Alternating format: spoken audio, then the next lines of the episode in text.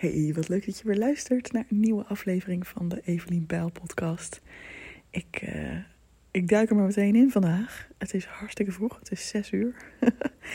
Om de een of andere reden waren Alwin en ik, mijn man, vriend en ik, gisteren um, echt moe. We zijn om acht uur al naar boven gegaan, nog even gelezen. En ja, ik heb dus gewoon keurig acht uur geslapen. En uh, ben wel weer ready voor een nieuwe dag. Ook al klinkt mijn stem misschien nog een beetje sexy hees. Maar dat kun je vast wel aan, denk ik zo. Ja, ik wil er meteen induiken. Want ik had vorige week een uh, afscheidsborrel. Een uh, oud collega van mij. Ik heb bij de Nederlandse spoorwegen, bij de Nederlandse spoorwegen gewerkt, jarenlang. Uh, daar ben ik begonnen in een management traineeship. En toen heb ik nog andere functies gehad. En um, ja, van dat management traineeship heb ik nog steeds, heb ik nog steeds contact met die andere negen mensen. Uh, inmiddels is de helft weg bij NS en de helft werkt er nog. Dat is echt na 13 jaar best heel bijzonder. Dat zegt ook wel wat voor uh, bijzonder bedrijf het is. En dat je er ook wel heel tof kan doorgroeien in allerlei verschillende posities. Wat je misschien buiten NS niet zo snel gegund zou zijn. Omdat mensen dan denken, oh, maar daar heb je nog helemaal geen ervaring mee. Um, dus vandaar dat ook best wel veel mensen er lang blijven hangen. Maar een van de uh, trainees is nu dus, uh, ja, gaat nu dus weg. Uh, gaat naar een andere functie buiten NS en heeft ons uitgenodigd. Dat is trouwens, hè, als jij iemand hoort zeggen: Ik werkte bij NS. Of als je iemand hoort zeggen: Ja, bij NS is het zo of zo. Dan weet je dat ze er gewerkt hebben of werken. En als iemand zegt: De NS. Wat, wat, dus ik vind dit of dat van de NS. Of de NS is altijd te laag, te laat dan weet je dat ze er niet hebben gewerkt of werken. Want geen enkele werknemer van NS zal ooit de ervoor zeggen. Terwijl de Nederlandse spoorwegen is natuurlijk prima, maar oké, dat even terzijde. Goed, deze persoon gaat NS dus verlaten. En um, er was een borrel en ze had ook ze had mensen vanuit haar hele carrière uitgenodigd. Dus ons als trainee groepje en uh, mensen van ja, alle latere functies, een aantal latere functies waar ze ook had gewerkt. En ik kwam daar aan en ik was best wel lekker op tijd. Um, en ik had gewoon mijn eigen outfitje aan. Ik had een kort leren rokje aan, een beetje uh, stevige laarsjes en een zwarte trui met roze fluffy hartjes. Wat ik dus zelf een hele leuke outfit vind, omdat het gewoon uh, ja, heel vrolijk is. Um, en ik kwam daar binnen en ik zag allemaal mensen een beetje grijze pakken, weet je wel, donkerblauw, broekpakken, ja, nog net geen kokerrokjes, pantalonnetjes, jasjes, dasjes. Nou, gewoon hoe normale mensen eruit zien eigenlijk. ik was echt een vreemde eend in de bijt in mijn knalroze hartjestrui. Nou ja, zwart met knalroze hartjestrui. En ja, dat vond ik oké. Ik dacht gewoon prima, dit is wie ik ben. En ik vind het juist leuk dat ik ja, mijn, mijn individualiteit kan uiten in kleding. Dat ik niet meer hoef te passen in het stramien van kantoorkleding. En dat ik niet meer gezien hoef te worden als professioneel door deze mensen. En ik raakte aan de praat met een man in pak. En het was meteen duidelijk dat hij een belangrijke man was, tussen aanhalingstekens. Iemand die zichzelf ook wel belangrijk vindt, maar ook iemand die andere mensen wel belangrijk vinden. Je merkt het gewoon een beetje aan hoe mensen dan tegen hem praten of ja, om hem heen bewegen. Ik weet, niet, ik weet niet of je dat ook hebt, dat je dan meteen kan merken van, oh ja, dit is iemand die is hoger geplaatst dan de andere hier. Nou, wederom een beetje zo'n grijs-blauw pak. Um, ja, ook wat oudere man, of tenminste ouder. Ja, wat zal hij zijn geweest? Ergens in de 50 of zo. Um, misschien beledig ik iemand nu heel erg, maar volgens mij klopt het wel. Ja, uh, ook een lange vent. Ik weet niet. Ik had wel het idee van, oh ja, volgens mij is dat iemand die zichzelf wel belangrijk vindt. En we raakten aan de praat en ik vond het heel interessant om te observeren wat er bij mij van binnen gebeurde. Want vroeger zou ik wel geïntimideerd zijn, denk ik. En ook wel een beetje, um, ja, hem hebben willen behagen. In de zin van, oh, ik wil dat hij mij leuk vindt. Ik wil dat hij me slim vindt. Ik wil dat hij me aardig vindt. Om maar indruk te maken op zo iemand die dan zogenaamd belangrijk is. Ja, het is misschien heel walgelijk om te zeggen. Want iedereen is toch belangrijk en iedereen is even waardevol. En dat vind ik ook echt. En ook is er iets in mij, en dat was vroeger dus veel sterker. Ik merkte dat nu dat dat eigenlijk heel erg meeviel. Dat ik het nu kon observeren. Er is iets dat ook uh, gevoelig is voor hiërarchie. En denkt van, oh ja, wat vindt een ander van mij? Maar ik vind dat dus heel interessant. En dat is natuurlijk ook iets wat we in de maatschappij gecreëerd hebben. Hè? Zo, zo leer je ook een beetje uh, bewegen in een politieke situatie. Nou, en mijn gevoel was niet helemaal onterecht. Want um, ja, hij maakte ook een, een, paar opmerkingen over wat wel of niet slim was voor iemands carrière. En dat had dan te maken met wel of niet eerlijk zijn over uh, bepaalde lichamelijke klachten of iets dergelijks. Of bepaalde ziekte of wat dan ook. Dat ik echt dacht van, oh ja, jij kijkt dus ook echt zo naar de wereld. Jij kijkt ook echt zo naar welke keuzes maak je wel en niet. Wat is wel en niet politiek handig. Hoe, uh, wat vinden mensen dan van jou? En ik kon alleen maar denken, oh man, that's kind of sad, weet je wel. Hij zei ook zoiets van, uh, ja, ik heb de leukste baan die er is. Oh, nou wat fijn. Dat is toch heerlijk dat je zo gelukkig bent. Ze zei van, nou ja, binnen NS kan ik niks leukers doen dan dit. Toen zei ik, oh, dus eigenlijk zit je gewoon gevangen. ik snap achteraf waarom het gesprek op een gegeven moment wel een beetje doodviel.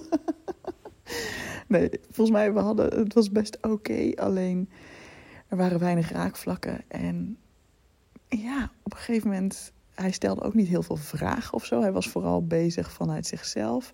En ik had ook gewoon helemaal geen zin om zelf vragen te gaan stellen. Dus ik sneed nog wel eens een keer een onderwerp aan... wat ik dan zelf interessant vond. Gebaseerd op iets wat hij daarvoor gezegd had. En toen het daarna stilviel, dacht ik ook: ja, je kan er ook lekker in zakken met je pak. Ik ga ook gewoon niks meer zeggen. Het is niet mijn verantwoordelijkheid om deze conversatie te dragen. Ik ben een fucking leuk iemand. Ik heb met niemand problemen om een onderwerp te vinden om het over te hebben. Dus dit ligt gewoon aan jou. En ik hou gewoon mond totdat er iets anders gebeurt. Het is, ik hoef dit niet te redden. En het was zo lekker. Het was zo bevrijdend. Um, ja, ik denk dat er namelijk veel mensen om hem heen zullen bewegen die, ja, kosten wat kost hun best doen om de conversatie in stand te houden. Um, ik denk dat ik dit vroeger ook absoluut gedaan zou hebben. Dat ik dan had gedacht: oh, het ligt aan mij. Maar ik weet dat het niet aan mij ligt, want ik heb dit nooit. Ik kan met iedereen wat vinden. Ik ben hartstikke geïnteresseerd en ja, toegankelijk en benaderbaar. Ik weet dat van mezelf en dat is zo lekker. En uiteindelijk was het dus, uh, nou, ik denk echt wel een volle minuut stil. Dat we allebei een beetje om ons heen zaten te kijken. En gelukkig had toen een van mijn andere traineegenootjes dat door. En die kwam toen lekker erbij staan. En toen kon ik lekker met haar kletsen. En toen ging hij verder kletsen met een collega. Waarvan ik echt denk, ja, ik probeer er geen oordeel over te hebben hoor. Want die arme man voelde zich misschien hartstikke ongemakkelijk. Maar ik denk dan toch, ja, het is wel kind of sad dat je alleen nog maar kunt levelen met mensen die in hetzelfde werkveld als jij zitten en in hetzelfde bedrijf werken. En dat je dan niet gewoon in staat bent om op een borrel over iets anders dan werk te praten. Ja, ik vind dat gewoon heel sneu eigenlijk, als ik heel eerlijk ben. Ik heb daar wel heel erg een oordeel over, zoals je merkt. Uh, en misschien is dat ook een beetje vanuit dat ik gewoon vroeger zoveel oordeel heb gevoeld naar mezelf. Uh, vanuit mezelf, maar ook misschien wel vanuit hoger geplaatste mensen, tussen aanhalingstekens. Dat ik altijd het idee heb gehad van ja, ik hoor er net niet helemaal bij. En dat grappig genoeg ik meestal juist merkte dat hoe meer ik mezelf was, hoe meer mensen me juist waardeerden. Maar ik pas gewoon niet helemaal in een bedrijfscultuur waarin je ja, bepaalde dingen wel en niet kan doen. En dat moet je dan allemaal maar aanvoelen. En anders kom je niet hoger op of zo. Het ging trouwens prima met mijn carrière, daar was helemaal niks mis mee. Alleen ik vond het zelf heel erg onprettig om op die manier in de wereld te moeten staan. Het voelt zo fucking nep. Waarom deel ik dit verhaal met je? Um, ja, misschien omgeef jij je nu ook wel eens met mensen of in, ben je wel eens in situaties waarin je voelt van, oh nee, ik was ook zo opgelucht dat ik niet meer in deze wereld werkte. Ik was zo opgelucht dat ik niet meer aan deze fucking poppenkast hoef mee te doen.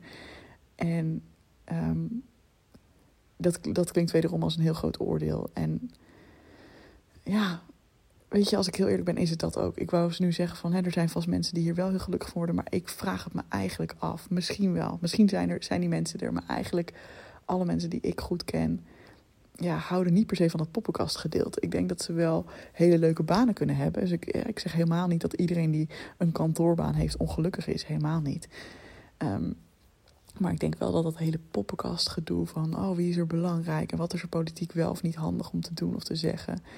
Ja, sommige mensen zijn er wel heel goed in, dat geloof ik wel. Maar ja, nou ja, misschien worden sommige mensen er ook gelukkig van. Ik kan dat niet voor iedereen bepalen. Maar ik weet wel dat de mensen die goed bij mij passen. En de mensen die hetzelfde voelen als ik, die hier ook zo'n afkeer van voelen, dat zijn ook vaak mensen die iets willen betekenen in de wereld op een ander level dan zelf klimmen of zelf hoger opkomen. Ehm, ik heb natuurlijk ook heel veel ambities hè, met mijn bedrijf. Ik, wil daar ook, ik, zie daar ook groeimogelijkheden in. En ik wil ook verder komen en meer mensen bereiken. Dus ik heb ook niks tegen ambitie. Maar ja, ik geloof wel heel erg in een wereld waarin je echt jezelf kan zijn. En dat we dat juist ook stimuleren bij mensen. En dat je niet bepaalde dingen hoeft achter te houden omdat het politiek niet handig is. Dus dat je eigenlijk gewoon een, een schim van jezelf moet worden om te kunnen navigeren in zo'n organisatie met andere mensen. Ja, dat is gewoon. Ik geloof erin dat dat niet hoeft. Ik geloof erin dat je met je volledige zelf in de wereld mag staan. En dat dat juist veel sprankelender is dan als jij ook even bij wijze van spreken in zo'n grijs pak moet staan en het over werk moet hebben in je vrije tijd. dus ja, mijn oproep aan jou is eigenlijk ook: voel jij dit ook?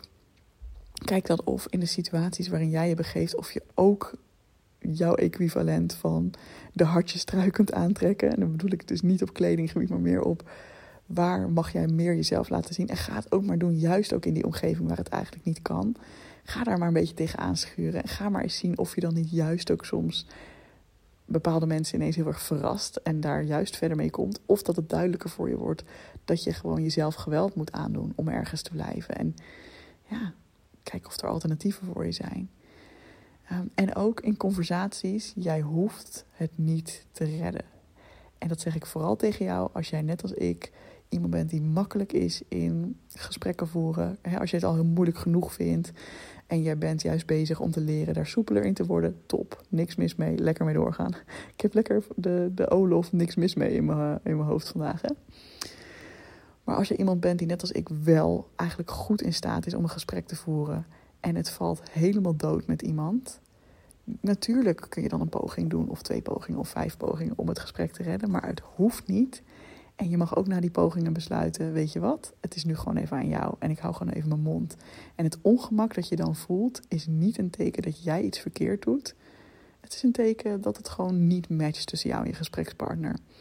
En best wel grote kans dat het tussen die gesprekspartner en andere mensen ook niet matcht. Niet iedereen hoor, maar als jij dit normaal niet hebt met mensen, ja, it's not on you. It's not on you en we hoeven niet altijd andere mensen te redden hierin.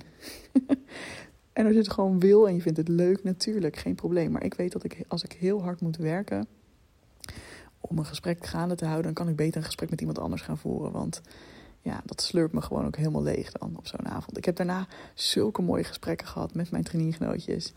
En ja, ik heb zulke fijne dingen daar weer van geleerd. En ja, zo fijn me verbonden gevoeld met die mensen dat ik ook echt met, met alle stelligheid kan zeggen: het is helemaal oké dat ik dat ene gesprek niet heb gered en nog tien minuten heb zitten rekken. Alright, ik ben benieuwd of jij iets herkent in deze podcast. Ik zou het heel leuk vinden als je dat uh, laat weten. Heb jij dat ook, of had jij dat vroeger ook, dat je mensen in pak of mannen in pak, dat je er dan ook meteen zo'n ding bij hebt. Dat je denkt, oh god, wat, wat moeten we hiermee? en uh, ja, wat spreekt je aan? Zou ik heel leuk vinden om te horen van je. Ik weet dat je waarschijnlijk gewoon lekker luistert. En ja, dat is ook helemaal goed. Maar mocht je de neiging voelen om even iets met me te delen, dan zou ik dat heel leuk vinden. En ik zou het ook heel fijn vinden als je ehm, een review achterlaat. Dat kan op Apple Podcasts of Spotify door sterren te geven.